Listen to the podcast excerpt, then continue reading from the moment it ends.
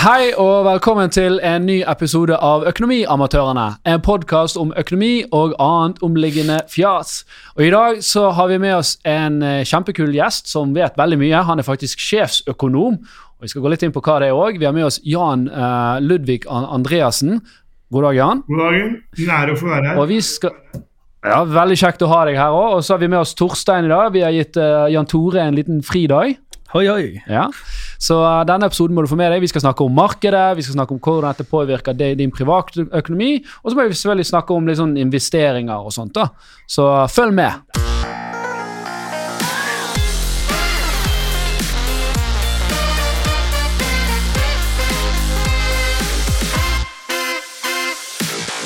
Yes, veldig hyggelig å ha deg her, uh, Jan. Jeg, jeg vil gjerne bare hive ballen litt over til deg, så vi kan bli litt bedre kjent med, med, deg. For jeg fikk et veldig bra spørsmål her forleden dag. Og det var òg hvordan blir man sjefsøkonom? Ja, Sjeføkonomtittelen er en slags blondetittel, uh, for å, vi skal være veldig important. Men det i praksis her er en analytiker uh, som uh, skriver i aviser og rundt omkring og rådgir eh, de som måtte ønske å få et råd eh, om økonomi og politikk og markeder og investeringer. Så du, det blir litt sånn eh, Men i hovedsak så er det en slags sånn markedsføringsgimmick da, at det er så mange sjeføkonomer. Ok, men, men, ikke, men, hvis jeg går inn i Eikabanken, så det er jo ikke, det er ikke du som sitter der og gir meg eh, råd om min privatøkonomi. Så er du på en måte et fjes utad for Eika-gruppen, da, eller? Det kan du si. Uh, så jeg er veldig mye brukt i media. Og det er veldig viktig for meg også å si det med en gang, at jeg gir aldri individuelle råd. Uh, så det kan f.eks. være bare sånn jeg var forleden på Peppes, og så kommer en kar bort til meg og sier han har arvet to millioner kroner, hva skal jeg gjøre med det? Eh, men jeg vet jo ikke hvor mange barn han har, om han har en kone han ønsker å dele det med, hvor mye gjeld han har, osv. Eh, og derfor er det veldig farlig for oss da, eh, å gi individuelle råd, fordi man må Vi har sånn derre konsept i Eika-bankene, disse 50 sparebankene som eier Eika, og som Eh, gi råd. Eh, vi har noe som heter Hør. Det er metodikk hvor du forteller litt om deg selv først. Eh, og deretter får du råd. Så det er veldig viktig at den prosessen starter med liksom at man legger alle kortene på bordet i sine finanser. Deretter kan man få råd. Ikke at man liksom skyter fra hofta i TV 2 eller noe sånt, og så kjøp Norsk Hydro. For hele farskjermen. Det, det, er litt, litt, vittig du sier det, for jeg, jeg leste meg litt opp i, i, forkant her. Jeg visste en del uh, om deg og har jo sett deg mye i media fra før. Og jeg, det var noe jeg tenkte på først nå når du sa at du på en måte skal representere Eika utad. Eh, hender det da at man kommer med litt eh, hva skal man si, uh, skarpe kommentarer og, og, syn på ting, egentlig for å, å få Eika uh, representert i avisene, da? Jeg vil heller si det motsatt. At det av og til jeg blamerer meg litt med å være litt for skarp i tungen. så Bankene ønsker å være venner med alle. Ja. Og vi fremstår som profesjonelle og upartiske. Og i mange spørsmål da, så er det jo sånn at uh, folk har veldig sterke meninger. Uh, av alle ting. Og, jeg får jo veldig mye netthets, da. Men mesteparten er hyggelig sånn raljering med en gammel gubbe. Uh, men i, sånn som vindkraftmotstandere, f.eks., de er nesten truende. Det er veldig, mm. veldig sterke følelser i sving. da. Og eh, det har lært meg til at man må ta hensyn til at uh, det er mye sårbare sinn der ute. Uh, en gang ble jeg kontaktet av en gutt som var autist og var bekymra for alt. Og han ble enda mer bekymra og leste mine blogger. Da måtte jeg liksom bruke litt tid med han da, for å roe han ned og si verden blir bra og dette her går så godt og så videre. Og jeg, jeg tror også dere må tenke på det som podkaster. Det er noe med Eh, vi må alle bruke ord og vendinger som ikke opp, oppmuntrer til ekstremisme. Da. Jeg syns det er veldig interessant det du sier der nå, for jeg, jeg har jo en følelse av at hvis du går liksom 10-15 år tilbake, så var alle litt mer forsiktig med hvordan de uttaler seg, og så har det blitt liksom veldig polarisert og får bryte igjennom. Og kanskje sosiale medier er kanskje en, eh, liksom, har vært en akselerator på dette her. Da. At de som skriker høyest og skarpest og tydeligst og kommer med det enkleste budskapet, de slår igjennom.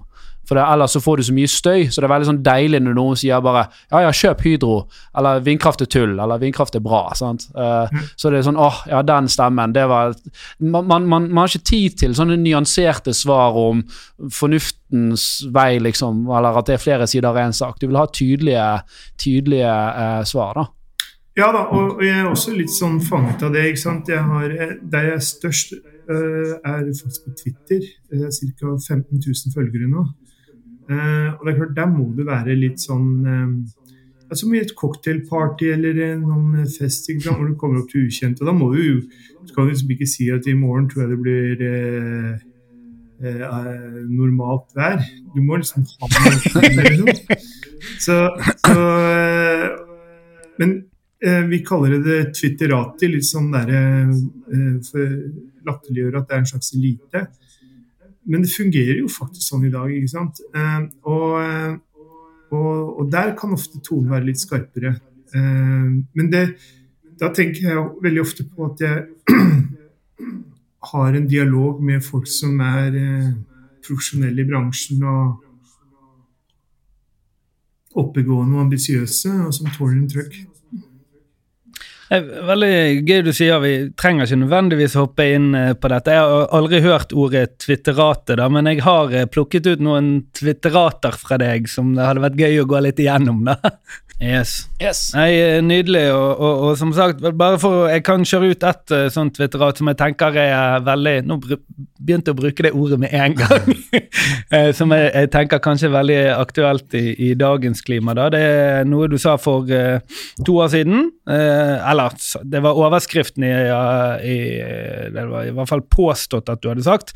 Antagelig så går vi inn i en verden der renten aldri kommer til å stige igjen. I hvert fall ikke de neste 30 årene.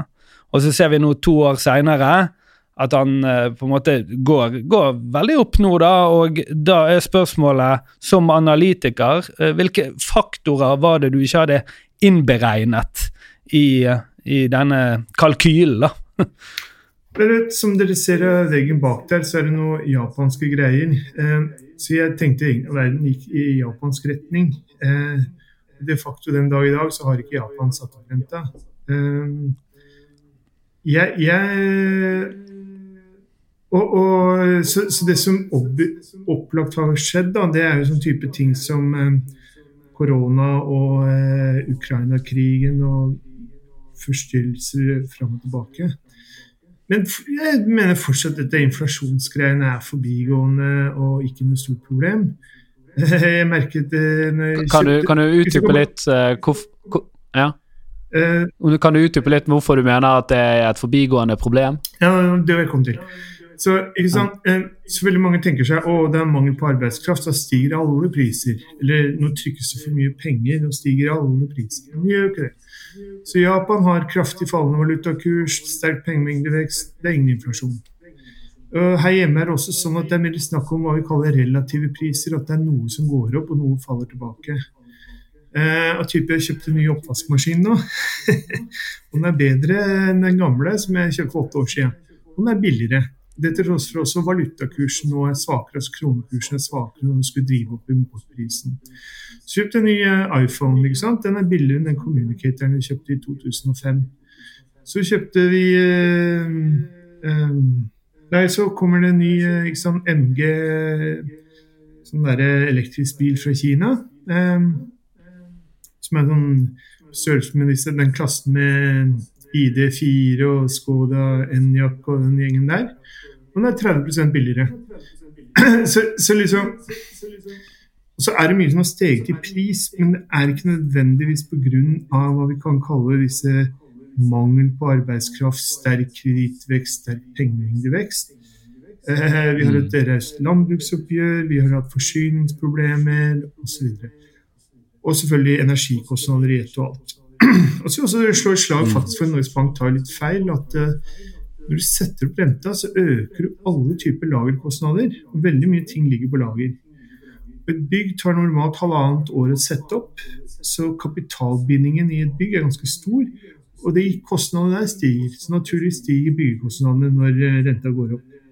Og ikke minst veldig mange biler er leasa, og alle leasingkontrakter har variable renter. Så alle leasingkontrakter stiger i kostnad. Uh, så jeg, jeg, hadde ikke trodd at man skulle føre en så dårlig pengepolitikk, da, for å si det sånn. man hadde tatt ja, mer hensyn til dette. Uh, og så jo samtidig si at jeg er overrasket over um, uh, og, og, jeg tok feil, vil jeg si, er at arbeidsmarkedet er blitt vesentlig strammere enn jeg trodde. Så, um, men igjen så er det jo litt vår egen skyld, da. Uh, hvis du tar f.eks. med 2015, så eh, sa Angela Merkel 'slipp inn syrerne'. Mm. Og så får vi disse varslede eh, voldtekt, vold og arabiske strupekutter overalt. Not så når, etter mm. at de kom inn, de halvannen millionen syrerne, så falt kriminaliteten i Tyskland.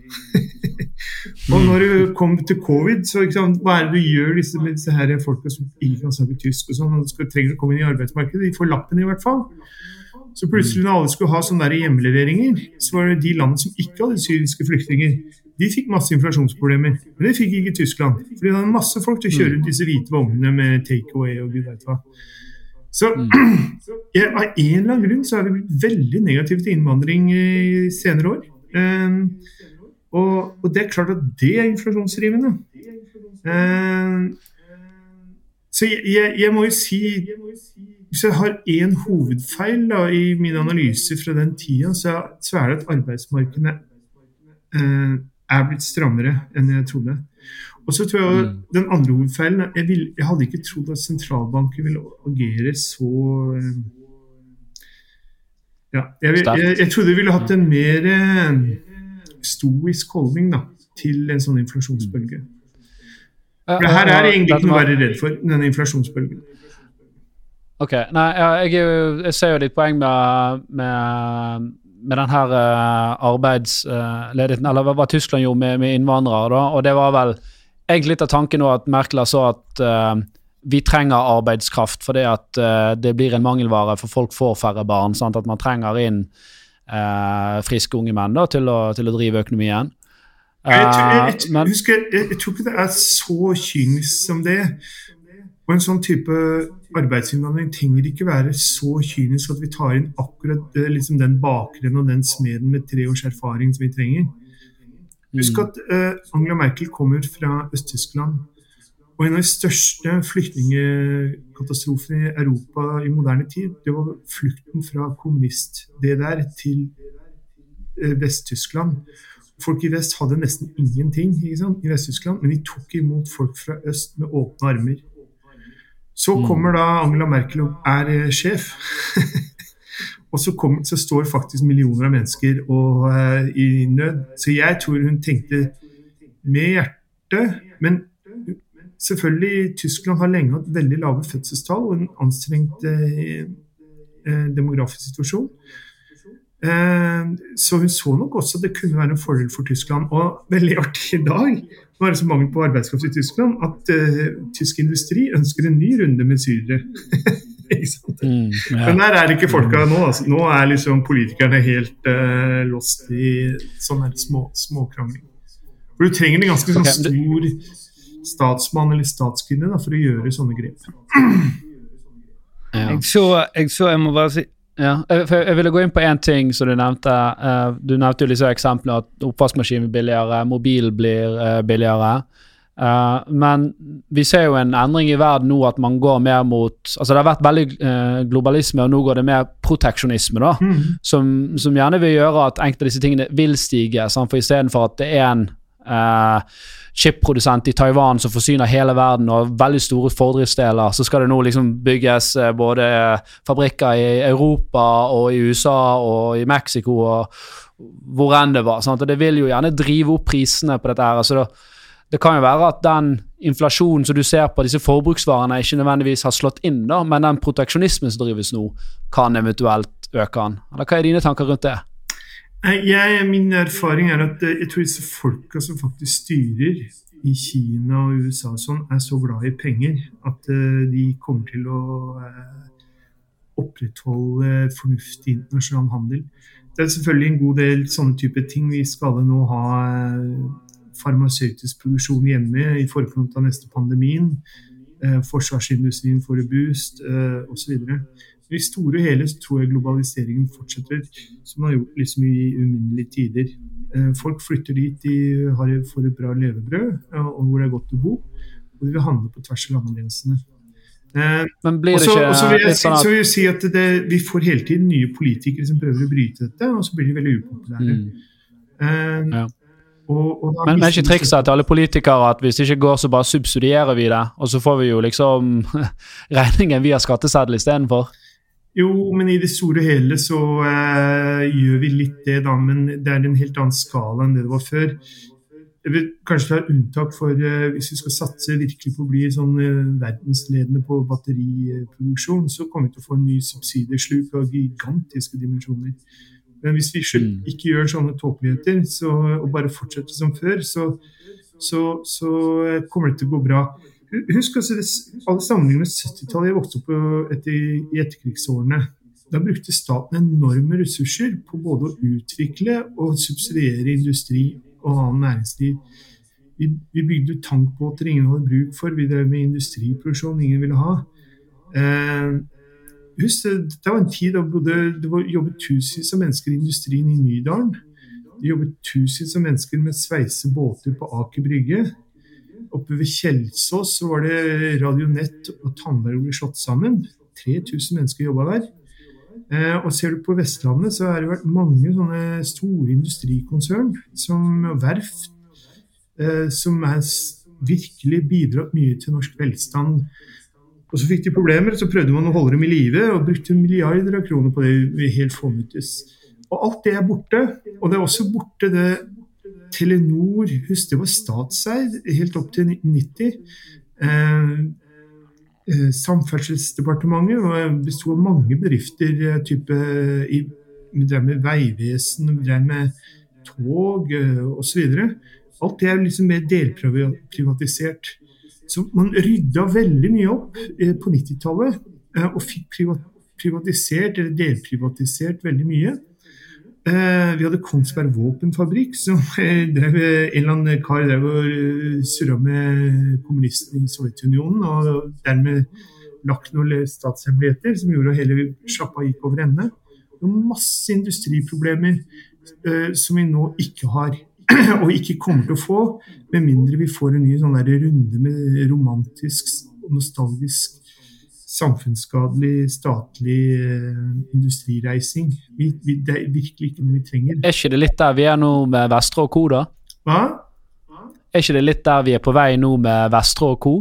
Ja, men Hvis vi ser på meningsmålingene, så tror jeg at det er begrensa tidsperiode hvor eh, man har glede av slikt. Og, og nå, og, refererer du til at det var jo en disse batterifabrikkene, så håper jeg i hvert fall at de i hovedsak forblir i privat eie og i mm. privat drift, og at private investorer tar både gevinstene og tapene som måtte komme. Ja, for, for det, det, er jo litt av gjerne det som vi har snakket litt om tidligere i, i poden her, er jo at man går fra et, uh, en industri som er basert på verdiskapning, til at det blir mer sånn tilkarring av subsidier uh, som, som, som uh, driver det, da. Og, og, det er jo ikke nødvendigvis en heldig uh, utvikling. Nei, og, og, og, det er nok en sånn ting jeg vil advare mot, og som kan bidra til både at det blir høyere inflasjon og renter enn jeg tror på. Det er hvis vi driver og lager masse nye satsinger som går med underskudd og er beskytta fra konkurranse og kan sette prisene sine opp og ned. Men legg merke til altså selv i landbruket, som er vår mest beskyttede næring, så er det store omstruktureringer på gang hele tiden. Um, jeg er ofte i debatt med Trygve Hegnar om norsk landbrukspolitikk, og da sier jeg vi har en særskilt vellykket uh, utvikling av landbrukspolitikken. Um, og jeg vil kanskje si, ta med noen forbehold med nå. Men Det skulle stille seg ut fra hvilke inntil, kopier. eh, Nei, men altså, helt inntil i dag altså, jeg, jeg har ikke noe mot det landbruksoppgjøret som blir gitt. Eh, helt inntil i dag så har vi ført en veldig markedsvennlig landbrukspolitikk i den forstand at vi ønsker å bygge større enheter, mer effektiv drift. Og når, eh, nå er jo Nortura og Tine hver på sin kant av store økonomiske problemer. Og de har tenkt å løse det ved å skjære ned og effektivisere og rasjonalisere. Um, så eh, det jeg mer tenker på, er faktisk um, Og det har jeg diskutert med bønder overalt i Norge. eh, det er om ikke man burde eh, satse mindre på å subsidiere produksjon av kjøtt og melk og kylling og egg, og heller bare betalt folk for å være bonde. Altså å gi dem inntekter som er eh, produksjonsavhengige. F.eks. For, for landskapspleie, for å ta vare på gamle raser av sau, hest og kyr. Eh, for å ta vare på eh, biologisk mangfold.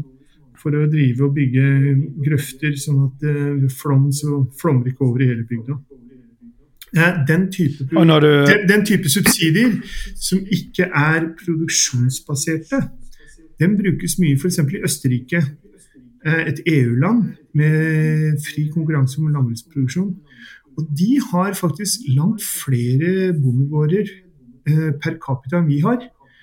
Eh, Fordi de har lagt om mer til at subsidiene gis ikke i form av produksjon, men av forholdet at folk bor der og tar vare på ting og steller med gården sin osv. For norske bønder smaker det litt for mye av subsidier enda, men jeg, jeg håper vi er på vei den veien. Ja. Fordi da kan vi ta vare på langt flere bondegårder enn det vi gjør i dag. Uten at Jeg, det jeg blir sånn inflasjon. Som næringslivsleder så, så ble jeg sånn Ok, men dette blir jo KPI-er som er vanskeligere å måle, da. Hvor mye grøft har du gravd, holdt jeg på å si, kontra hvor mye har du klart å produsere av uh, kjøtt og, og, og melk? Det kan være, men det er jo så Hvis du sier til bonden du får 100 000 for å grave en grøft, så er det ikke sånn at uh, når du kjører forbi deg, så ser du det er en grøft. Ok, kanskje er en litt liten, da, men det er, ikke dyp nok. Men det, det er liksom det er e- egentlig det poenget østerrikerne har, er de ønsker å ta vare på bondegårder. Det er det som er poenget med Det er ikke kjøttproduksjon. Uh, og hvis vi vrir det over til norske Altså forhold, et le- et så levende kanskje vi blir land, mer østerrikske i tiden fremover. Ja. Nei, unnskyld. Ja, nei, jeg sa altså Ta vare på bondegårder, eller på en måte et, et levende land. Ja, ikke sånn svenske Så, ja. så det, det, den veien det går nå, da Jeg kan ta et eksempel fra Nordmøre, for det er på jobben kjenner folk der. ikke sant? Jeg, eh, fra der han vokste opp. Der er det fem bondegårder på sånn dalside. Uh, og det er én gutt da, på 30-årene som har lyst til å overta. De fire andre gårdene har, er ingen som vil overta. Og det han satser på, da, det er selvfølgelig å få byksla all jorda på den fjellsida. For da har han nok areal til å drive. Uh, og da får han penger for å, for å samle disse fem gårdene under ett. Men over tid så blir da resultatet at det er istedenfor fem bondegårder, så er det én igjen. Og så er de fire andre husene er, blir fritidsboliger for arvingene etter hvert. Og Sånn går egentlig veldig mye av Distrikts-Norge. og det, er, det har sine utfordringer. da, fordi da, det, i denne type politikk eh, eh, bidrar mer til eh, sentralisering og avfolking av distriktene enn den øst, østerrikske modellen hvor du får betalt for å bo. Men er ikke det litt sånn at uh, altså, de, traktorene du har i dag, da, hvis du kjører på Vestlandet her, sant, så ser du disse små flekkene, og hver har en traktor til to millioner som kunne tatt liksom syv av disse her gårdene som ligger opp langs fjellsiden her. Uh, så det er jo uh, det, det er jo ikke jeg, jeg forstår liksom hvor du vil hen, men jeg klarer ikke helt å spise den, da. At det ville vært bedre. At du skal liksom fortsette å ha den ineffektiviteten. Jeg sier ikke det er bedre, men det er det ene eller det andre. Og det var faktisk eh, mandagens Nasjonen hadde dette på forsida. Eh, Små, småbrukerlaget eh, sto frem og sa de syns det er fornuftig at det samles disse gårdene. Så fem blir til én.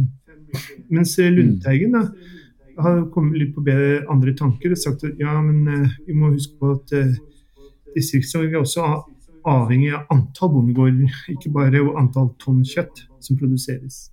Så jeg, jeg syns det er interessant å, å Jeg har jo sagt dette i mange år, da, at du bør legge om til mer produksjonsuavhengige tilskudd. Uh, men nå tror jeg folk er mye mer uh, klar for å, å, se på det igjen. Eh, det er en modningssak. Agri Analyse har gjort en ny studie av østerrikske landbruk som er bredt og vidt distribuert i bondekretser. Så det er klart at ting kan endres. Agri-analyse, det høres jo ut som uh, ikke en veldig objektiv analyseform. Nei da, men ikke sant? Det, poenget er jo at alt modnes, da. Og det her er en sånn samtale om hva vi vil med våre samfunn.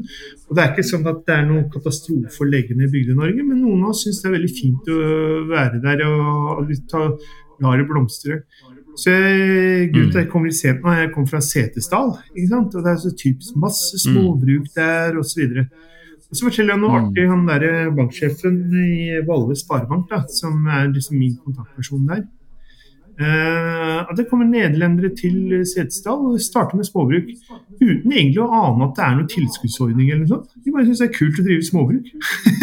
ja. ja, ja, Så, nei, men det er jo veldig, jeg, jeg, jeg, veldig vakkert. Jeg, vil ikke si at det, altså, det er mange muligheter for Distrikts-Norge. Eh, vi må bare gripe dem og ikke være så tradisjonsbundet. Mm. Og Når deg og Trygve diskuterer disse tingene, er det en fruktig og god samtale, eller er det hyling og skriking og, og smelling i dørene i gangene? Nei, jeg, jeg er veldig imponert uh, over nivået hans. Han er uh, opp, opp, opplagt veldig interessert, og så tror jeg han liker nasjonen, for der finner han mye å være uenig i. Så han liker ja. debatt. Eh, men nei, det er en veldig imponerende eh, fyr, og uh, Finansvisen blir egentlig en bedre og bedre som publikasjon. Mm. Så, så litt, jeg, Hvis vi kommer litt opp av åkeren nå, da. dra, dra, jeg, tenkte jeg bare skulle dra oss bitte litt ut fra, fra, fra, på en måte bondedebatten og tilbake i, i det vi snakket om for en liten stund siden. Jeg, jeg tror jeg tror jeg forsto hva du mente med dette her uh, utsagnet her ut ifra hva du sa tidligere, men dette var en plussak på E24, og jeg har ikke pluss, så jeg tok bare overskriften hvor du skriver uh, 'Norge bør la seg inspirere av Qatar'. Det tenkte jeg det var interessant å høre litt mer om. Nei, uh, det, ble, det ble litt bråk om det, og det jeg prøver å si, er at du vet, Norge lager befolkningsprognoser annethvert år. Og de siste anslagene tyder på at vi får en ganske dramatisk mangel på arbeidskraft. Ja, ok. Ja. Og, og, så er det jo sånn at vi i, særlig i de første årene etter 2002 uh, eh, Når uh, muren uh, Nei, når altså, EØS-avtalen åpnet for østeuropeisk arbeidskraft, så skjedde det mye rart. ikke sant? Vi fikk en voldsom flom av fantastisk fin østeuropeisk arbeidskraft til en billig penge. Det hadde for øvrig veldig negative virkninger for mange norske yrkesgrupper som følte Håndverkergruppene f.eks. følte at yrket deres ble forslummet, og de ble helt utkonkurrert. Mm. Jeg tror i dag er det 3% av Bærums befolkning som har polske aner, og alle har kommet etter denne perioden. Eh, og så står vi, så, så viss forstand så har vi, har vi, i hvert fall historisk løst våre problemer med mangel på arbeidskraft ved å hente folk utenfra. Vi har også veldig mye sånne partysvensker, hvis du husker det begrepet. Ja. Eh, Vasking. hva?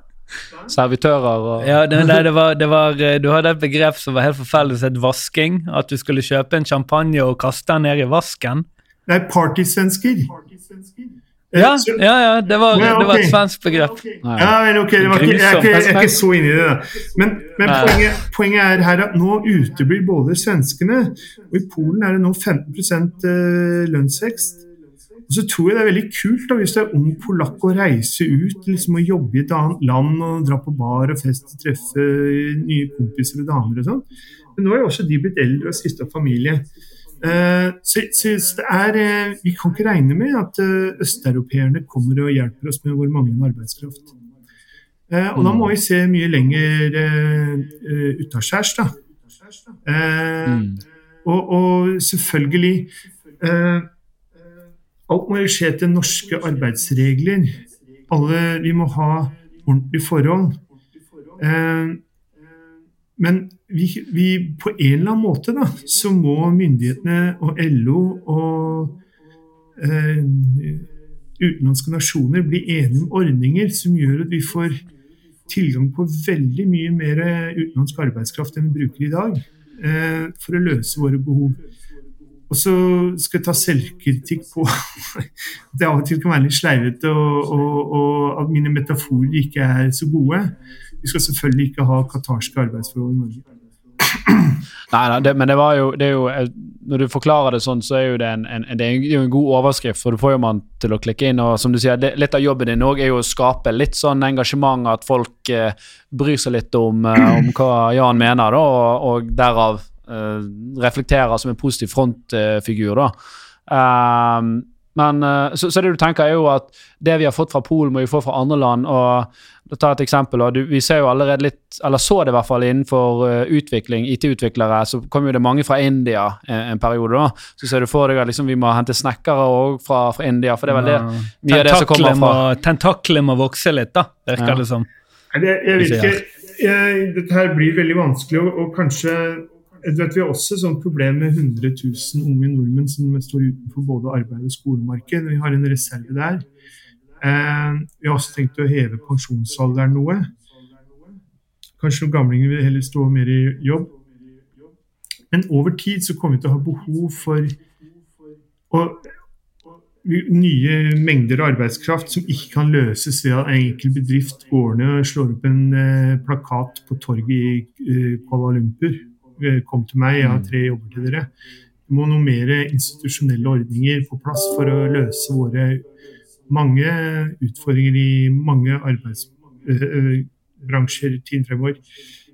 Så, men så, så, ja, la, hvis, ikke tak, hvis, ikke vi får tak i de folka, så blir jo bare resultatet at uh, ja, det blir ikke noe økonomisk vekst. Ikke sant? Det er, altså det er uh, Uten, uten, ny arbeidskraft så blir det ikke noe særlig økonomisk vekst, så, men vi har det bra likevel. Så det er ikke sånn at det er en katastrofe om ikke disse folka kommer. Men hvis du ser på fremskrivinger også fra NHO og industrien og Menon og SSB og sånn, så, så, så ser det ser ut som det der, den lave arbeidsledigheten og de mange ledige stillingene vi har i dag, langt på vei er et strukturelt fenomen, ikke et konjunkturelt fenomen som kan løse med høye renter og den type ting for å dempe aktiviteten i mm. julehandel.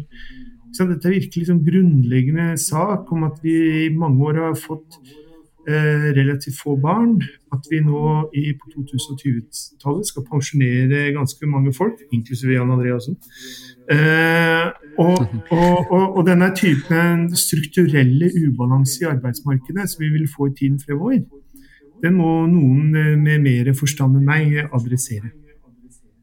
Ja, ok, men la oss gå inn på det, for dette er litt sånn betent eh, tematikk. da. Eh, for du har jo På ene siden så er vi et sosialistisk land, og alle skal liksom ha det bra, alle skal ha det likt. Men samtidig så er det veldig vanskelig å lage et velfungerende eh, arbeidsmarked. sant? For det, ingen vil ha lavtlønnede jobber da. Eller de lavtlønnede jobbene skal òg få veldig høyt godt betalt. da. Så altså, hvordan møter vi som en nasjon disse problemstillingene her? Nei, altså Det vi har gjort eh, det, det, er veldig vanskelig, og det, gjelder, det er veldig fascinerende å se at det gjelder i alle land. Eh, I hvert fall i alle vestlige land, fordi de har noenlunde samme demografiske profil. Store kull av mennesker som skal pensjonere seg på 2020-tallet. Og på alle beregninger så får vi en kronisk mangel f.eks. på helsearbeidere i årene som kommer. Um, og det, det, det, som gjør det vanskelig, da, det er du kan ikke hente fra Sverige, fordi de er i samme situasjon. Du kan ikke hente fra Polen, de er i samme situasjon. Uh, så det er mye sånne type ting uh, som blir veldig Det er nesten sånn du må ha nye internasjonale avtaler. Uh, så skal ikke jeg si hvor de mer enn det, uh, men det er klart uh, Uh, og, og, men, ok, men la oss gå videre på den litt. Jeg, jeg, jeg, tror ikke det er eh, Dette her er egentlig Og jeg skjønner det er betent, fordi for eksempel, hvis du tar inn 100 000 sykepleiere fra Filippinene, så tenker kanskje KS at eh, jøss, da slipper vi å heve lønningene til sykepleiere. Så da får selvfølgelig mm. sykepleierne mot det, da. Ikke sant? Eh, ikke sant? Og vi, vi hadde jo erfaringer fra når inn polakkene, at f.eks. håndverkernæringene ble forslummet. Så det var ingen god erfaring med å ta inn masseinnvandring. Så, så dette her er, blir veldig vanskelig for uh, politikerne. og Jeg har full respekt for de som uh, kaster seg, eller skal utforme fornuftige systemer og avveie de behovene vi har. Enn så lenge vet du, så måten vi har løst problemene i helsesektoren, er jo, det er en slags rasjonering. Du får ikke så mye helsetjenester som du vil. Du får de helsetjenester som staten kan tilby. mm. men, men, samtidig så ser man at uh, de som jobber i offentlig, øker jo veldig mye. Vi så litt på tallet her, og fra 2011 til 2021 så var det vel 9 øke, økning i privat sektor og 16% i offentlig. Uh, og statsforvaltning hadde økt mest med 20 uh, Og det er jo da er det jo sånn at mye av dette her er jo ikke verdiskapende uh, arbeidsplasser i og for seg, da. Uh, så, så, hvordan løser man dette? Skal man i større grad privatisere uh, sykehus og helsearbeid? Nei, så, så, her tror jeg det er en liksom misforståelse. Det, så poenget her er at det er ikke noe med, at Vi er veldig sosialistisk som gjør at stat, offentlig sysselsetting øker det er demografiske behov. Hvor vi har, i motsetning til USA f.eks., så har vi mye av produksjonen av helsetjenester i den offentlige sektor, og ikke i den private. Men USA har de akkurat samme utfordringer som vi har, selv om det ser mye penere ut at alt er i privat sektor og sånn, og offentlig sysselsetting er mye lavere enn det vi er. Eh, det er bare det at du, du har eh, Og du kunne jo bare løse problemet med å nå tar vi alle, hele helsesektoren og lager sånn AS Helse, og så kaller vi det privat sektor, så ser vi plutselig ut som vi er liksom eh, Singapore eller det, det, det, det, må jo være en, det, må jo være en mellomting her, da. Det underliggende realøkonomiske, da. Flytting av arbeidskraftsproblemstillinger. Ja, la meg ta et, ta et eksempel på det. ja, ja da, men la meg ta et eksempel. da. Jeg, jeg hadde, jeg var på sjøl nå helgen, jeg hadde problemer med, med ører og noen bihulegreier. Så jeg har vært i fastlegen min, har styrt litt pets siden sommeren. og fikk en henvisning eh, i slutten av mars til neste år. Så ja, jeg kan ikke gå med, med det. Sant? Så da, ok, jeg, eh, jeg hadde økonomi da, til å kunne gå på Volvat og betale 2000 kroner for at en i ti minutter tittet meg inn i øret. Sånn, Altså, er ikke det bra da at man på en måte kan avlaste systemet hvis noen har lyst å, å, å drive den privatpraksen og tar av liksom den det er litt av det presset. Ja, men Jeg vil jo også si at det må være et, eh, et, eh, marked som er åpent for å bruke det private tilbudet som er dyrere enn det offentlige. da. Ja. Altså Det du sa nå, Jan Ludvig, så var kjempespennende, for det var et aspekt jeg egentlig ikke har tenkt så mye på når jeg så på de tallene. Det er jo at det som blåser opp nå, det er tjenester som det offentlige tar seg av. Ja, og, og, eh, så det er ikke egentlig Jeg er så veldig eh, stat, glad i statskapitalisme her i landet. Det er ikke noe sykdomstegn, det som nå skjer. Uh, mm. Når det gjelder um, helse, så er det jo bare sånn også da at uh, Helse er historien om sykdom og død. og i noen privatbaserte systemer da, så så vil du jo få at rike mennesker får veldig stor andel av de flinkeste eh, legene og pleierne og luksusbehandling og sånn. Fordi de har råd til det, og det spiller egentlig ingen rolle hva det koster. De skal jo snart dø likevel. Så det er vanlig f.eks. at du, du, får, hvis du er i privat sykehus i utlandet, så har du eget rom, du har en dame som kommer inn snakker til deg, tre retters middag, glass vin, ordentlig flatskjerm TV og alt sammen. ikke sant? Og selvfølgelig så har du de beste legene. Så fattige folk får ikke tilgang til det. Jo, men, Også, okay, så, men, kan, men så la meg ta den nå, da. Altså, min, min, min, jeg kan bare si ja, men, Bare følg ja. det. Motstykket, hvis du har en mer sånn eh, gratis helsetjeneste som alle får like tilbud, så vil de rike og privilegerte vil føle seg veldig misfornøyd, for de får ikke brukt pengene sine på det de syns er viktigst, nemlig sin egen helse. Fordi alle legene er liksom opptatt med i dette her offentlige systemet. Ja, eh, jeg forstår det, men, men jeg syns ikke det helsetilbudet er der i dag. Jeg har en 95 år gammel uh, bestefar som på ingen måte klarer seg sjøl, som ikke får plass på, uh, på, på et sykehjem. Uh, og det, det, virker så ineffektivt. Da må det offentlige blåses uh, ja, ytterligere opp, da. Ja, det, det kommer en person to dager og kjører, kjører, ned til min gamle bestefar for å gi han noen piller og, og, noe mat. Det virker jo liksom sånn veldig ineffektivt òg, da. Så tydeligvis så fungerer ikke det veldig bra. Han er jo minstepensjonist, sant? så han er jo en av de som absolutt liksom er i denne klassen som du sier, som vi òg må ta vare på. Men det fungerer jo ikke. Hadde vi hatt liksom et ja, så kunne vi bare si at ok, vi betaler litt mer for at han skal få komme på en plass, da. Ja, så, så her, her, vil jeg si to ting da om ditt øreproblem. Uh, så, så, er det jo sånn at Og det går egentlig tilbake som grunnleggende uh, styringsprinsipp fra reformasjonen på 1600-tallet. Da tenkere satt og lurte på hvordan de skal organisere samfunn. Og det er at man må aldri lage et et sånn eh, totalitær løsning på ting. Man må ha litt flere varianter. Noe, noe, kaller det sånn lufteventiler eller smutthull ut. Så når ting går litt på tverke eh, Og dette er jo en sektor med 300 000 mennesker, ikke sant. Eh, mm. Noe går gærent hele tiden, hver dag. Eh, så hopper de ut i en eller annen privat løsning. Og jeg er helt enig, Det er veldig viktig da, at vi tar vare på sånne type ting. Eh, private helsetjenester, private barnehager, private sånne ting. Som, som en sånn der, eh, ventil da, eh, som man kan ty til hvis det offentlige svikter. Skal ikke forby det. Og det er veldig viktig altså, for uh, også sosialister å tenke over at de er ikke tjent med å lage totalitære enhetssystemer uten private tilbud. Ja, da, da er vi enige, da. For jeg mener heller ikke man skal fjerne Når det 95 år gamle bestefar, derimot, så tror jeg dessverre at dette er et makroproblem. At allerede i dag så mangler vi 6000 sykepleiere. Eh, og det, økningen i behovet for helsepersonell er ca. det samme. 6000 per år. Det betyr over halvparten av tilgangen av norske nordmenn som skal ut i arbeidsmarkedet netto i kommende år, må gå til helsesektoren. Eh, ellers så blir alle de problemene som eh, din bestefar og hans venner opplever, mye større. Så, så det, mm. dette her er egentlig eh, bare forsmaken på de eh, problemene vi får med å produsere nok helsetjenester i tiden fremover. Mm.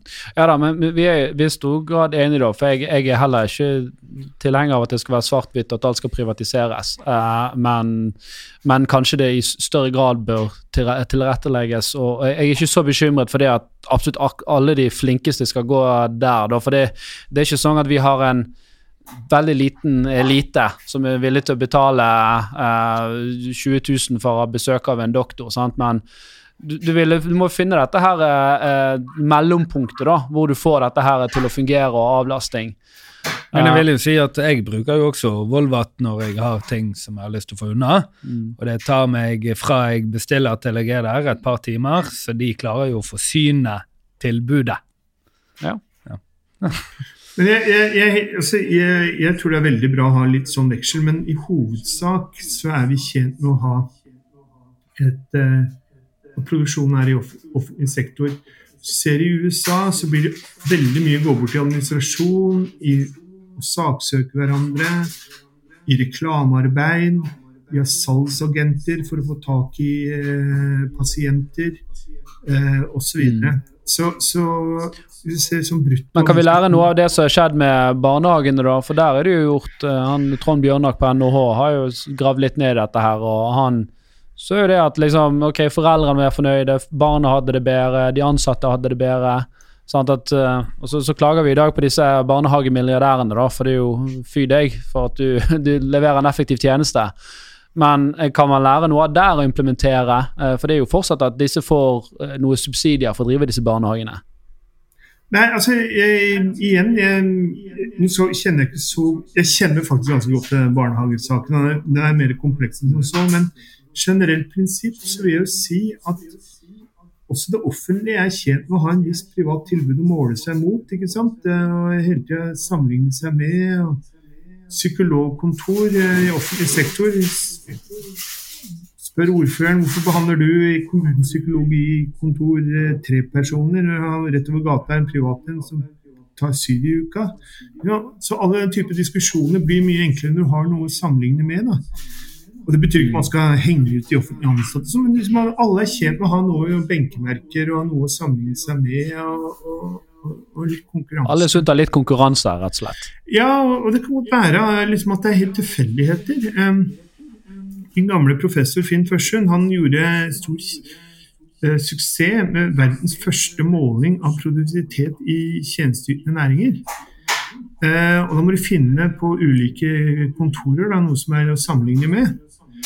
Og det var uh, antall behandling av trygdesaker. Dette var 70-tallet, lenge før Nav. Og så lagde han en sånn rangering, da, mest, mest produktive til dårligste oppover. Sånn stolpediagram. Antall saker per ansatt.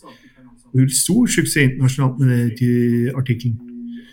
Så var det en sånn nysgjerrig type, og så gikk det der kontoret som mest effektivt. Så det var noe spesielt der. Eh, og så prata han med sjefen eh, på det kontoret. Det var for øvrig på Vestlandet. Uh, og han, fikk, han, skjønte ingenting. Var denne fyren her så produktiv? Så gikk han tilbake på hotellet, og så sa han der eh, hotelldirektøren Nei, veit du hva? Du skjønner, de to damene som jobber for han derre eh, på trygdesjefen, de hater hverandre. Og det eneste de frykter, er at han sjefen, som er så fullstendig inkompetent, blir sparka. Så de jobber livet av seg for å holde, holde dette kontoret så godt skikket at myndighetene aldri bryr seg om det. Men han er sjefen, han ble jo sagnomsust som verdens beste trygdesjef. Artig. Man skal, man skal ha, av å jobbe med sånne som Finn Førsten, så fikk du en sunn skepsis til alle vitenskapelige resultater. Eh, eh, men det betyr ikke at det er noe interessant å måle dette her og sette det opp mot hverandre osv og har litt sånn mm. eh, private og offentlige løsninger om hverandre. Mm. Ok, men kan, La oss gå inn litt på, på verdensøkonomien nå, da. Eh, nå er det jo høy inflasjon. Nå var vel han opp i eurosonen igjen, over 10% så, vidt jeg forsto. Og det er tydelig sånn konsensus da virker det som blant økonomer at nå går vi inn i en, i en dobbeltdipp, at vi får en ny resesjon nå ut i, uh, i 2023. Kan du male litt liksom, det bildet for, for oss og lytterne våre, hvordan du ser på det? Ja, så jeg, jeg også trodd dette er veldig misforstått. Blant Eh, så det vi har fått, er en del eh, eh, forsyningsproblemer som har dratt opp inflasjonen. Så ene tar det andre. Og så tror jeg ikke at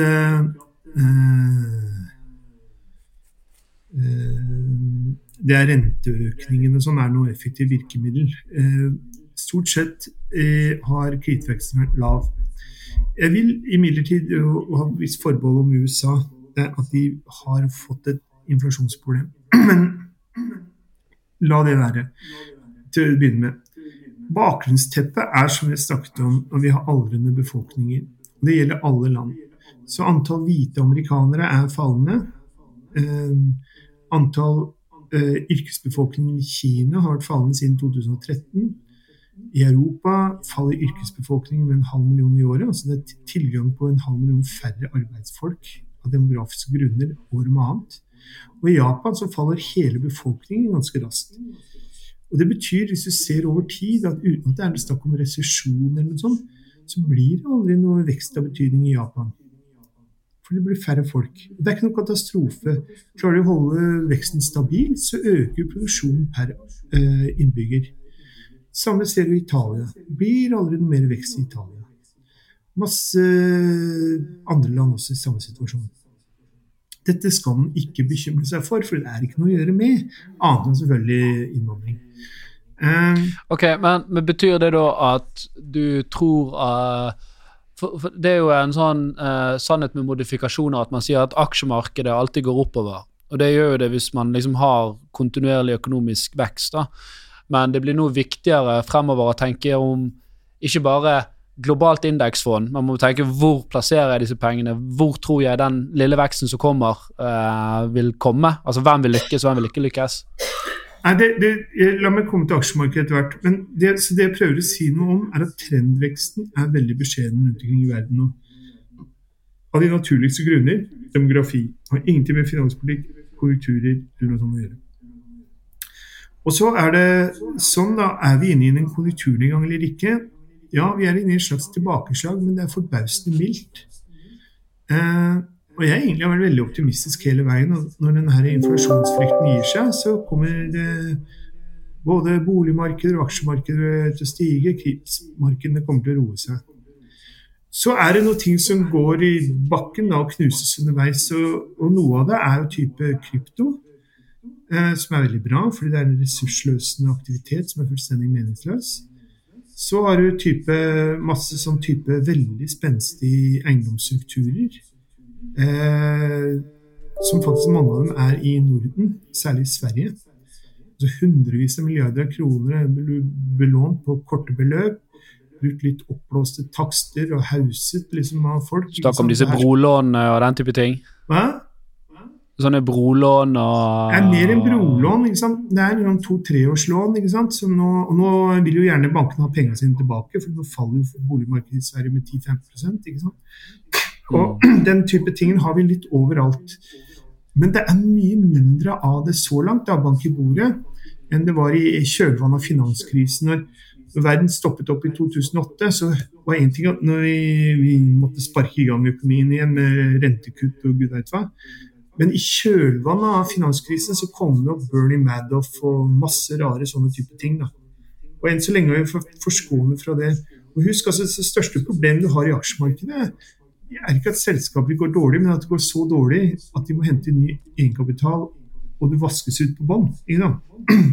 Og vi har heller ikke sett den der brede, generelle bølgen. Vi har hatt sånn flyr og sånn som måtte hente ny egenkapital. Sånn, men på bred basis så har vestlige selskaper ikke måtte uh, hente ny egenkapital for å klare brasen denne gangen. Så jeg mm. tror, det, og jeg tror at det inflasjonsgreiet kommer ned som en stein. Og, vil, og, det kommer til å skje neste år. Uh, så dette her blåser veldig bra over. og så får vi da veldig høy vekst. Da. Hva er det? Jo, det er 1-2 noe våre forfedre ville sagt var elendig, som egentlig er ganske bra i relativt til vår demografiske skjebne. Mm.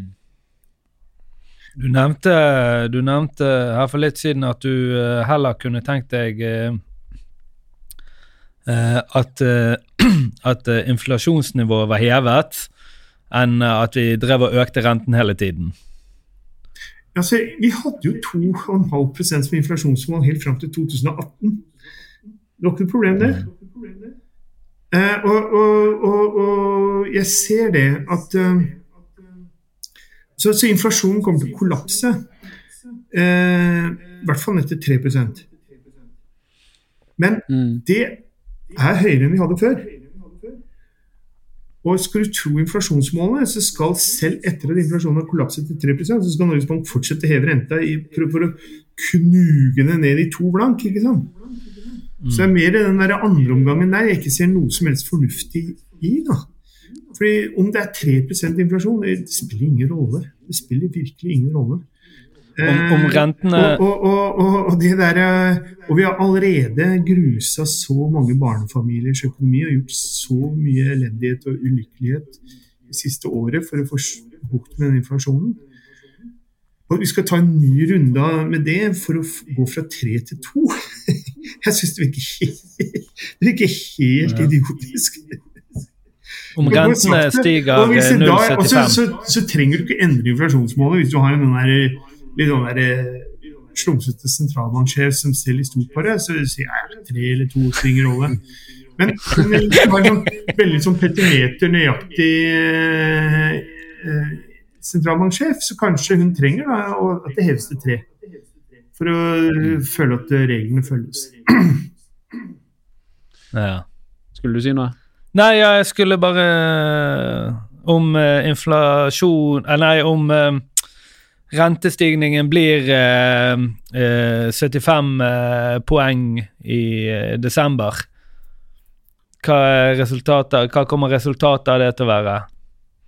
Brattere stup og dårligere privatøkonomi for eh, Eller eh, høyere fattigdom, da? Altså, hvis du snakker USA, da, så eh, er jo nå mange spekulerer renta kommer opp i 5% Men allerede nå har det langsiktige renten nå begynt å falle. og det priser nå at det langsiktige rentenivået i USA er rundt 3,25. Eh, i 2030 ca. Det er det markedet priser inn i dag. Eh, Og, og, og så vil mange gjøre stort nummer av at kurven er så invertert og sånn, men egentlig det, det jeg tolker det som, da, det er at ja, sentralbanken kommer til å ta i for hardt.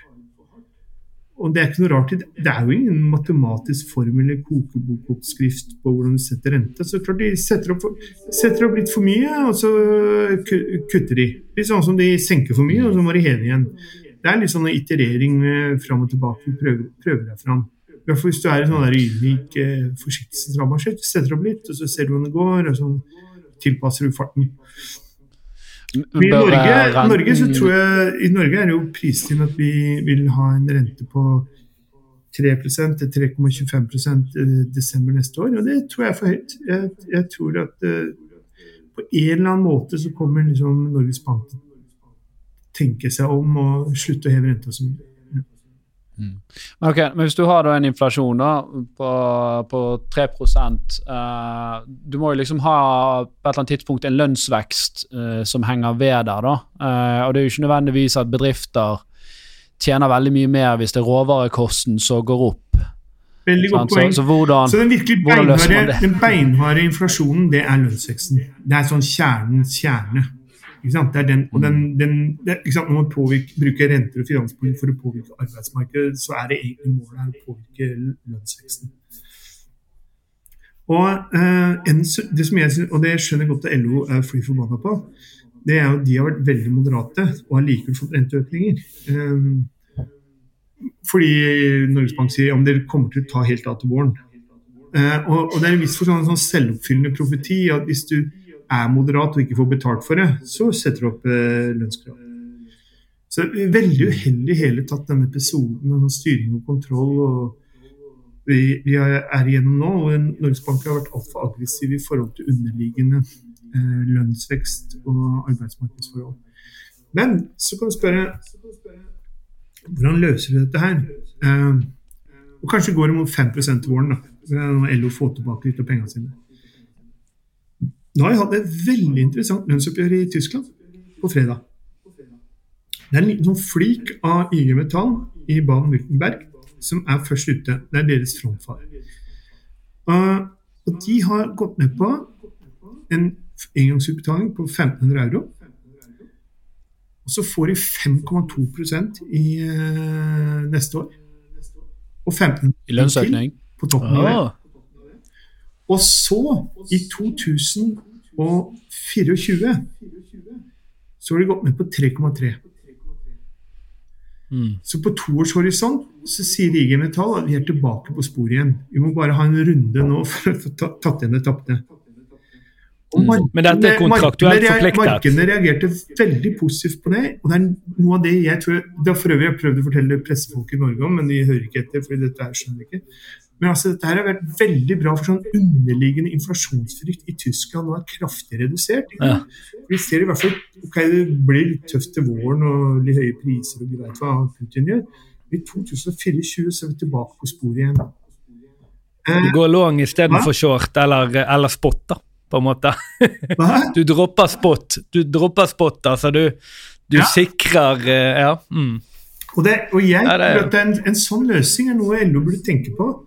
Ok, eh, Ta 5-6 til våren, da. Og så si at vi Og jeg er, fag, jeg er fagforeningsmann for øvrig, jeg må si det.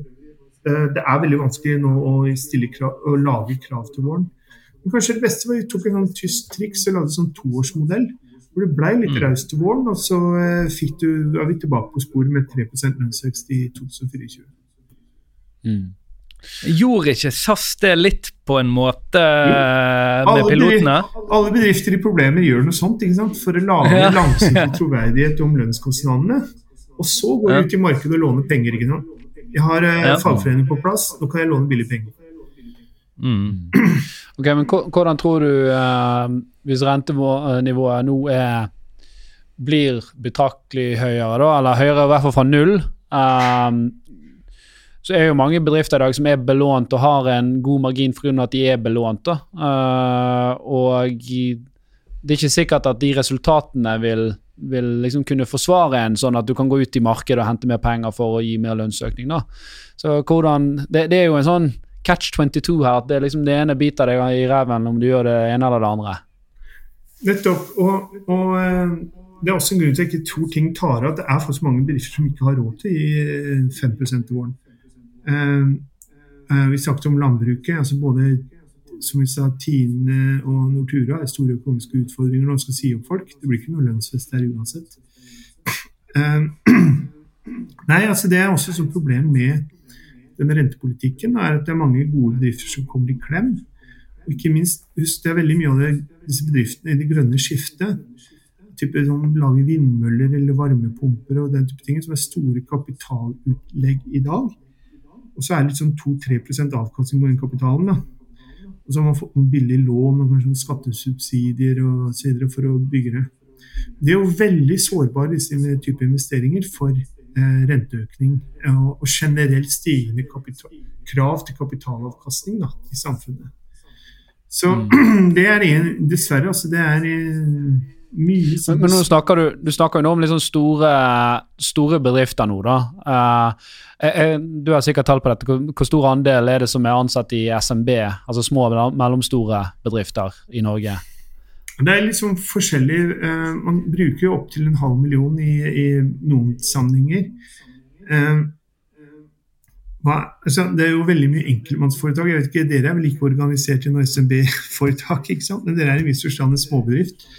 Uh, så det, det Men jeg, jeg Husk at det er mange sånne småbedrifter som ikke har noe særlig lån. og det er noen gubber på min alder som driver en eller annen virksomhet. ikke sant? Syns det er ok. Eh, men, men det, det, det, er klart, det jeg er mer redd for, er, det er klart at knoppskytingen nå tar, eh, stopper opp. Vi har knapt nok hatt børsintroduksjoner i år, mens vi hadde en flora når renten var null. Uh, mm. Og, det, og, mange av de som ble børsført i fjor, vi kommer til å få problemer til å, hvis de trenger mer kapital i tiden fremover eh, til dagens rentenivå. Eh, så det var veldig mye uheldig som har kommet ut av dette sånn strukturelt og innovasjonsmessig, spør du meg. Mm. Nei, og Du sikta litt til denne Euronext uh, Growth. Uh, da hvor det var, For et par år siden hvert fall, så var det veldig poppis å børsnotere særlig grønne selskaper som skulle levere ny teknologi, og så har de gått uh, rett på trynet, de aller fleste. Og det er litt sånn, sånn, det virker som det var en enkel måte å finansiere opp disse ideene på, da, som, som kanskje aldri burde vært eh, på det nivået der. da. Men samtidig så ser du òg større selskaper har foretrukket å ikke være på børs. Sant? Så det har vært en sånn, sånn merkelig, merkelig symbiose der. Sant? at Hvis du ser på private equity, sånn, hvordan det har vokst de siste ti årene, og så plutselig skulle du ta disse her veldig umodne selskapene og plassere de på børs. Så var det liksom i en sånn Jeg syns det er vanskelig. Hvem er det som bestemmer det? Eller, ja, jeg, jeg, jeg, tenker mye av det samme. Det går litt tilbake til reformasjonens prinsipper om å tillate en viss flora av ting å utvikle seg. Selvfølgelig er det noen eh, tallerkener som går i gulvet. Um, det var mye etterklokskap på de der 150 selskapene som ble børsnotert i 2021. Uh, jeg, jeg, tenker sånn at ok, dette var fine greier. Da. Så er det selvfølgelig noen som går konk. Og de som har jobba med det, uh, er ofte unge menn som har jobba steinhardt og satsa litt penger, og så har vært gjennom en konkurs. Og hadde det vært i USA, så har folk tenkt jøss, yes, han fyren der han har vært gjennom en konkurs og tapt egne penger. Dette er en fyr vi trenger i vår bedrift. ikke sant? En som har liksom vært ute en vinternatt før. Så Det er litt kultur her i landet også at det er eh, vei an noe konkurs er en skandale, og det er uh, kriminelt osv. Ting går konkurs. Ja. og Dessverre, ofte på vei nedover så gjør folk liksom halvveis ulovlige ting for å beskytte seg selv. Det er liksom noen uh, næringsliv her. Uh, og jeg vil også få lov, lov å si, hvis du ser på noen av de største børsnoterte selskapene, for jeg har lest litt historie rundt det ja, sånn som Netflix starta med å sende VHS-kassetter i konvolutt til folk. Ja, det var starten. Mm. Det ville jo gått helt ad undas hvis de holdt på med det fremdeles. ikke sant? Eh, men så måtte de omstille seg og slå seg an. Amazon, eh, den store IT-krakk i 2000, eller 2001, så eh, var det finansdirektøren som gikk inn til Jeff Bezos og sa nå må du ta, altså før rett før det smalt. Mm. Eh, nå, må du gå, nå må du ta et sånn kjempedyrt eh, junkbond-lån, eh, 15% rente eller noe sånt, eh, for å sikre deg. Og Jeff Bezos ha- hata tanken og skjelte han ut, for han er jo liksom en diktatorisk fyr. Men finansdirektøren sto på sitt, fikk lånet igjennom, og derfor har vi Amazon i dag. Ja, det er pga. det lånet. Mm. Ellers hadde de gått over ende, de òg. Så, og det livet er full av sånne tilfeldigheter, og det skal vi ha litt respekt for å ikke overforklare enhver eh, sak. Da. Jeg, jeg husker jeg ble presentert for det der Caleras eller noe sånt, noen salatprodusent. Eh, Vertikal salatprodusent. Syns det hørtes ut som en glimrende idé. Gikk jo veldig bra til å Hva var det du kalte det? Jeg husker ikke hva Hva, det hva var det? Hva? Hva var det du sa det gjorde? De eh, produserte salat i høyblokker. Å ja. Ok, Men de- Sånn her vegg eh, Ja, så når, ikke sant, Vertikal du trenger vegg, ikke ta så mye så, du, så da kunne du lage en sånn salatfarm midt på Manhattan, ikke sant? For du trengte ikke så mye plass. Du, de, de lever fortsatt, gjør ikke de det? Det, Jeg tror Jeg det tror jeg Jeg var, jo, gjør. jeg, jeg var på stand deres på Slush forrige uke. Ja, nettopp. Helt Så sant. de holder på, og jeg syns det er kjempebra. Så kanskje finne på noe nye. Kanskje ok, salater var gærent, vi har gulrøtter og neper isteden.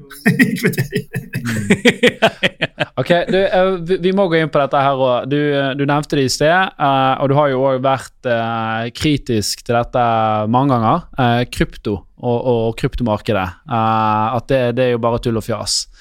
Eh, vil du liksom utdype litt hvorfor du mener det er tull og fjas? Ja, jeg prøver å skille litt mellom uh, fornuftige investeringer, og det er noe med likviditet og avkastning. Eh, Hvor du har bankinnskudd, da er pengene dine er helt trygge. I hvert fall inntil to millioner. Men du kan ofte få en veldig lav rente. Ja, eller 100 000 euro i eurosonen, da. Og så har du kredittmarkedet, som er også sånn rentebærende saker, da, hvor du tar langsiktig durasjon, langsiktig løpetid. Men da er du selvfølgelig offer for svingende inflasjonstall og midlertidige perioder hvor høy inflasjon spiser opp egentlig kjøpekraftsverdien av det du har investert i. Eh, Mm. Alternativ kreditt, ikke sant. Du taper det. Og, og så her forleden så var det kinesiske boliglånsobligasjoner de var på kurs 50. Så kunne du doble pengene dine. På den annen side så var det jo litt sånn kron eller mynt om disse bedriftene overlever, da. så det er, i kredittmarkedet får du betalt for den risken du, er villig til å påføre deg selv. Uh, Mm. så har du aksjer, og den, det geniale med aksjer, det er jo at uh, du er med på en reise hvor alle avkastningskrav, all, for, all investeringer skjer med forventet avkastning høyere enn bankrenta. Mm. Er det mye av dette som går gæren, men over tid så vasker det seg ut en systematisk høyere egenkapitalavkastning eller aksjeavkastning enn obligasjonsavkastning. Så Mm. Det er det vi kaller equity risk premium. Så Ja. spurte jeg en professor som var i USA, på Berkeley. Han skrev to bøker om hva er det normale equity risk premium. Og så svarte han bare 'har ikke peiling'. Men det som er greia, vi vet at den er positiv over tid for et gjennomsnitt av tusentalls bedrifter. Fordi hvis du har lavere avkastning enn lånekostnad, så dør du. Og gitt at disse, eh, disse tusenvis av bedriftene fortsetter å leve og leve, og leve, så må de per definisjon ha høyere avkastning enn å ligge i, i obligasjoner. Og så har du eiendom, som er litt vanskeligere fordi eh, der er du helt avhengig av låntaker og beliggenhet og sånne type ting. Også i låntaker har noe av det samme mekanikken Eiendom har noe av det samme mekanikken i seg som aksjer. at eh, Eiendomsselskaper som overlever, må tjene mer enn bankrenta. Og så tar de sitt tilbakeholdte overskudd, enten det er i aksjer eller eiendomsselskapet, og investere på nytt.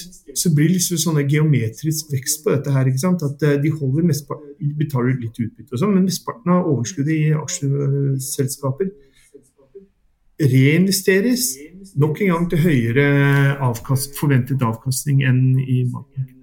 Så dette her er egentlig de fire fornuftige investeringsformene. Du har cash, kreditt, aksjer, eiendom. Alt det har noe i ved seg som er genuint og reelt. Og så har du de type ting som Hva, hva med råvarer, da? sam, samlegreier. da, og Det er sånn frimerker, sølvtøy, mummikopper og eh, krypto. Som ikke har noe annen verdi enn det noen er villig til å betale for i morgen, som har for mye penger. Eh, Mm. Så krypto har egentlig ingen transaksjonsverdi med et forbehold, og det er for kriminelle miljøer. Der har det en veldig stor verdi. Men egentlig for vanlige folk så har det egentlig ingen eh, bruksverdi. Eh, og eh, særlig i tider hvor det er energimangel, det er veldig dyrt å lage dette her, så burde myndighetene slå med på det. Og selvfølgelig en tredje ting er jo at det er jo eh, foretrukken oppgjørsform eh, i mafiaen. Eh, og burde det også av den grunn eh, forbys. Så jeg er- synes det er veldig rart at selv om strømprisen er fire-fem kroner, så er det ingen politikere som tar til orde for å forby dette. Ja. Nå, nå er det jo litt eh, endringer der, og det er jo ikke alt som eh, Ethereum har jo bl.a. gått over til eh, det som kalles proof of stake og ikke proof of work. da, Sånn at eh, energikravet falt vel med 99,6 uh, over natten. da. 9,8 faktisk. 99,8. Eh, og eh, jeg, føler litt du kaster liksom babyen ut med badevannet, da. Uh, for vi er jo veldig enige at 99% av det som har vært i krypto, har jo vært uh, luftslått, og det ser vi òg nå. Uh, og vi jobber jo sjøl med den teknologien. og jeg, jeg, jeg, Min bakgrunn er jo at jeg jobbet jo ti år i finans før dette. her, og Man ser liksom noen helt klare effektivitetsgevinster hvor du kan lage markeder som gjerne i større grad har, har likviditet. da. Uh, og, og likviditet i et marked er jo positivt uh, i, i, i den forstand. da. Så har du liksom Nei, Hva jeg- tenker du? Jeg, jeg, jeg tror det er litt sånn derre å, å prøve å lage behov. Og, eh, jeg, jeg ser liksom I USA så er det fortsatt bruk av sjekker og sånne type ting. Så jeg, right, der er det større blokkjedeteknologi har mer for seg.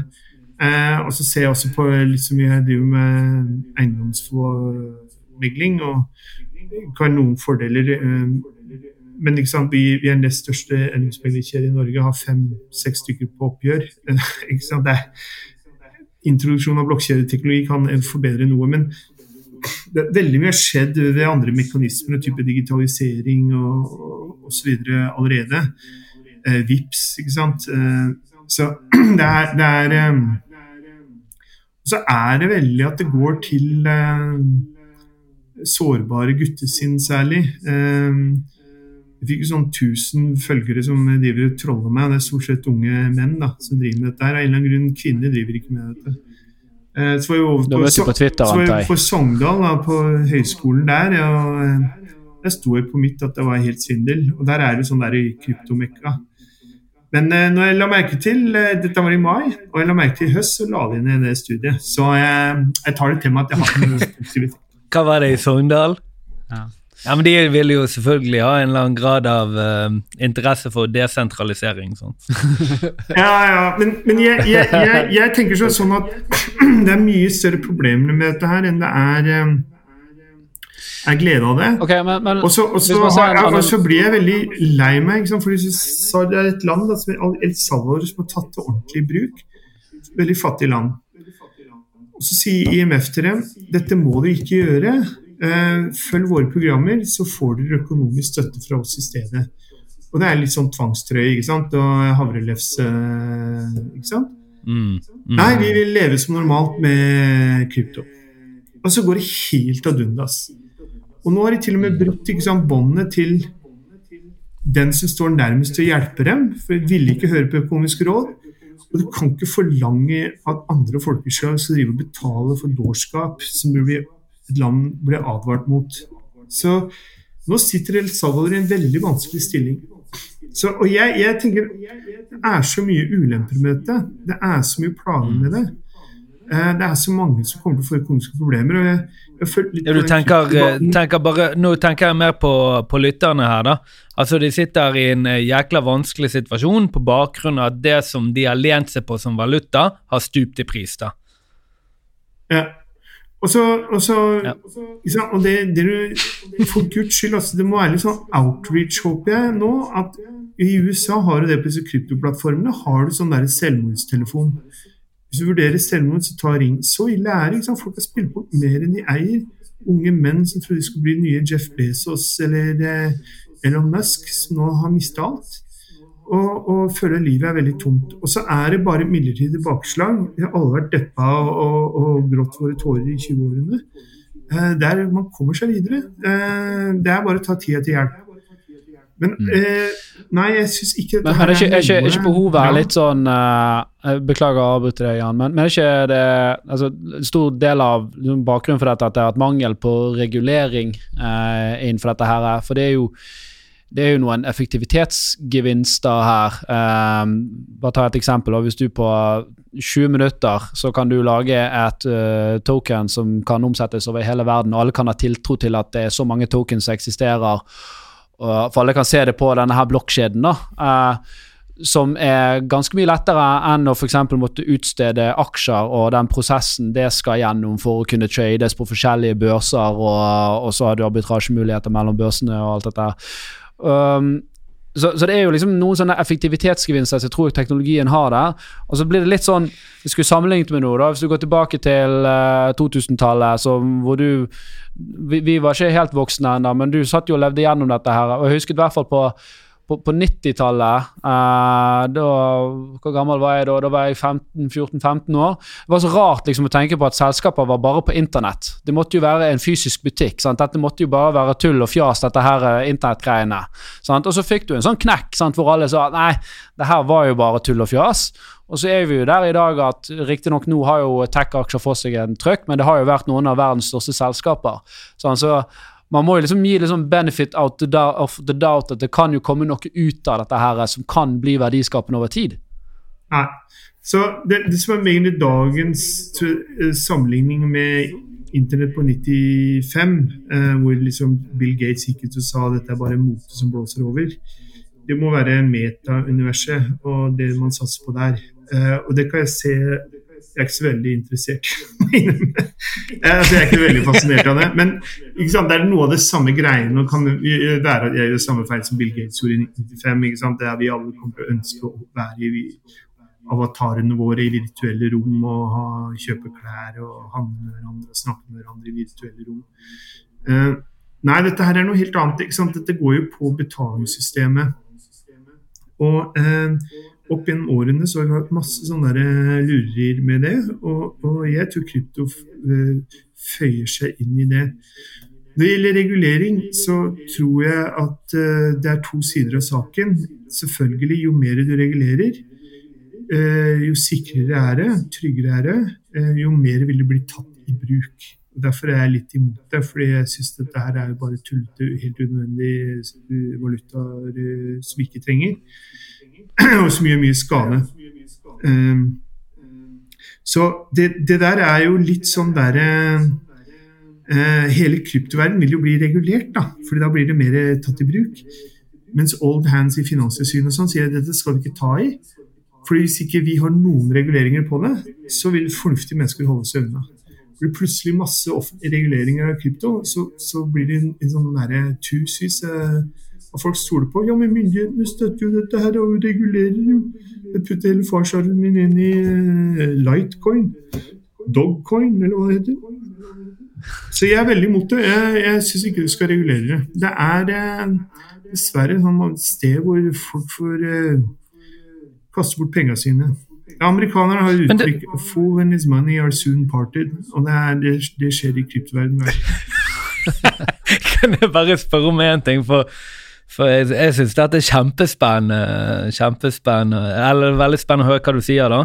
Uh, men en av de tingene som er på en måte blitt solgt inn til meg fra for noen år siden, er at transaksjonskostnaden med overføring av penger mellom land, og spesielt da til enkeltland som Cuba, uh, er veldig høy, altså 20-25 Og dette er noe som på en måte kan kan bidra til å minimalisere den kostnaden.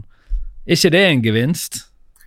I, I, teorien ja, men nå mer digital verden blir, jo mindre viktig er det. Men hør nå her. I mine dager da, så reiste jeg mye på loffen rundt i Asia. Og nå hadde jeg 80 000 dollar i skoen. Du mister bagasjen, du blir rana, du, du, står der, men du har i hvert fall 1000 dollar i skoen. Ja, Med mindre du har et hvert, jækla tøffe sko. Ethvert et hvert smau i Afrika, Asia eller Latin-Amerika, hvis du har dollar, så klarer du det. Eh, så altså Selvfølgelig er det noe maskinvareimport kanskje med større beløp og sånn, hvor det er noe i kommuniststater eller folk med kapitalregulering. Men det er mindre og mindre av det. Det meste av disse tingene går jo egentlig veldig greit i internasjonale valutaer. Enten dollar, eh, euro eller yuan. Så ja, det, det, jeg Hvis du hver gang du har lyst til å handle med El Salvador, da, så har du kanskje bruk for bitcoin. Men altså, hvor ofte har du behov for å handle med El Salvador? men uh, Jan Ludvig, da, da, vil jeg ha et tips. For det at jeg, jeg, vi har en sånn familieleilighet i Spania. og vet du hva det er? Jeg tror gjennomgående et eller annet sted mellom sånn 13 og 15 prosent og ta ut penger i, eh, i minibank. Er ikke det en vanvittig pris å betale for å veksle en valuta? Nei, altså, altså, jeg tror ikke det er en sånn kjempefortjeneste på det. Det er veldig dyrt disse minibankene. og Du tar ut gjerne små beløp hele tiden. og De blir ofte rana, og det er tungt å bemanne og, og, og fylle opp og sånn. Men, men, liksom eh, Det jeg hadde gjort, da, det Jeg hadde brukt min lokale bank i Norge. Eh, og, og, og tenkt litt igjennom, hvis du har kjøpt en leilighet, da Eh, hvordan kan man da få eh, minimert de type eh, kostnader? Hvis det er større beløp, du, så kan du faktisk prute litt på Hvis du passerer over 100 000 kroner, så kan du faktisk passere, prute litt på marginen. fordi banken tar store marginer på veksling. Den gjør det. Ikke hvis du er på ferietur at du tar ut 100 000 for å gå med Det er veldig forskjell. Da, ikke sant? Hvis du, disse det, gule, de der gule boksene Forex International, vennene deres, det er jo noe helt annet enn vanlig bank. Altså, du må holde deg til mm. norske banker, eh, eventuelt Santander eller noe sånt. Du må ikke bruke de der eh, rødvekslingsgreiene. Det er jo ikke Det er jo ikke bare Ja, ok. Ja, nei, men jeg synes, og det er mye spennende du sier der også, men jeg kan sitte nå og se på omtrent eh, Jeg, jeg har Nordea, da, eh, som eh, totalbank. Kan, nå, nå, ser jeg på Bystasjonen i Bergen. Der inne har Nordea en vekslingsautomat. 13,9 eller noe sånt. For å få, eh, for å få min krone over til euro. Det, er, det, det syns jeg er veldig dyrt. Altså, det, er jo, det er jo liksom eh, syv år uh, med, med, med, tap i gode tider på rente på denne ene. Ja. Som en konkurrent så vil jeg si at uh, her gir Nordea oss en konkurransefordel. Nei, nei, jeg tror, vi har liksom prinsipp okay. at vi Jeg glemte! Du, sitter jo, du er jo på bankens side! Nei da, men uh, jeg, jeg, jeg, forstår vi vinner ikke deg over her, uh, Jan. Og det, det, det, det, er helt greit. Det var veldig interessant å diskutere disse tematikkene. Uh, jeg tror det er mange fordeler her, for det kan være det kan være ny innovasjon da, som kommer ut av at du kan, du kan skape tjenester som ikke uh, var før. Uh, det kan være enklere å drive med enkle typer handel, om det er råvarer eller hva det måtte være. Og, ja, og det gjelder òg disse her internasjonale overføringene og gebyrene. Sånn, så det er klart at Bankene er jo glad i dette, her, for det er jo litt av inntjeningen. Sånn, det må vi jo anerkjenne. Sånn, så det er jo ikke rart at en bank Jeg vil høre han anerkjenne det. ja. Nei, vi, vi, kjenner ingenting. Vi har ikke noe valutadesk eller noe sånt. Eh, nei, jeg, virkelig, altså, krypto er forferdelig. Det kommer til å bli masse personlige tragedier. Eh, og jeg håper dere som har en viss sånn eh, autoritet da, i disse miljøene, prøver å få alle som driver med det, litt i tale. altså Hør hvordan de har det, og ber dem Det eneste jeg kan si til kryptofolket, da, det er liksom at når dere, hvis dere får, eller i min verden, når dere får problemer, så gå i banken og prøv å løse det opp. og vi har alle, I unge år har vi alle tabbet oss ut. Så eh, vær så vennlig. Det er ikke noe, det er ikke noe skandale med farsarven. Enten det er på en eh, bil, bilforhandler, en eh, eiendomsprosjekt eller på krypto. Vi har alle gjort det, noe lignende. Gå i banken og, og prøv å få hjelp. Uh, vi, men, men, du altså, trekker jo fram disse eksemplene her. Det er banksekretesse, så vi kan ikke si ting videre. vi kan, hvis, dere har, eh, hvis deres lyttere har problemer med kryptogjeld og den type ting, og går i banken og forklarer seg, så kan ikke vi si det til mamma og pappa. Så, mm. eh, men vær så vennlig, ikke sitt med det aleine. Det, det er vi helt enige med. og Det gjelder for så vidt ikke bare krypto. Det gjelder uh, gambling. Det, det, det gjelder uh, for så vidt uh, Det er veldig rart at du skal gjennom For, å anbefale noen et aksjefond, så skal de gjennom en egnethetstest og en haug med spørsmål. Men hvem som helst kan laste ned en handelsplattform og handle CFD-er bortimot. Så det er jo det er jo mange ting der ute som man kan si at ikke er bra. Eh, men selv om det er tullete å drive med CFD-er, så sier ikke jeg aksjer og råvarer generelt sett er tull. Så det tror jeg vil være min closing statement her. da. Jeg har, et, jeg har et siste spørsmål. Yeah. Okay, ja. Eh, jeg vet ikke, Du skal selvfølgelig få kommentere, Jan Lillevik, hvis du hadde noe på det Alf sa. Vi skal ikke Nei, sperre nei, av nei, nei, Nei. Ja, nei, ok. Uh, privatisere oljefondet, sa du. Det er jo spennende. Det er et spennende konsept som jeg tipper eh, de som De 19 som fortsatt sitter og lytter på, kommer til å, å finne interesse i. Nei, altså, så Jeg skriver en bok om politisk økonomi. og, og eh, av, Hvis du ser på de gamle filosofene, da, så eh, Vi har jo bygd et sånt samfunn opp hvor det er de produktive og de arbeidsomme som egentlig kommer best ut av det. Og Det er naturlig. Du skal få hva du produserer. Og selv en kommunist vil gjerne si at eh, ja, jobber du overtid og sånn, så skal du tjene mer enn gjennomsnittet. Eh, Men det er noe annet med en sånn oljegevinst som kommer fra himmelen. Det er nesten som en lottogevinst. Og Lotto eh, Hamar ringer ikke til deg og sier vet du hva, nå har du vært lat. så Nå er det de der ti millionene du vant. Nei, du får bare to av dem. Åtte gir vi til naboen, for han er jo mye mer produktiv enn deg. Så jeg tror det der kommer til å bli en eh, I hvert fall boka mi, så er det et eget kapittel om det. Er det slik at når samfunnets inntekter er tilfeldige og mer sånn lottobaserte, er det fortsatt da sånn at de skal fordeles liksom, presumptivt til de produktive, og mens alenemødre og sånn ikke skal få sin andel? Så altså. Typisk eksempel da, det er eh, en eh, somalisk enke på Holmlia. Mannen ble drept og familien på flukt og kom til Norge. Åtte barn. De er ni stykker.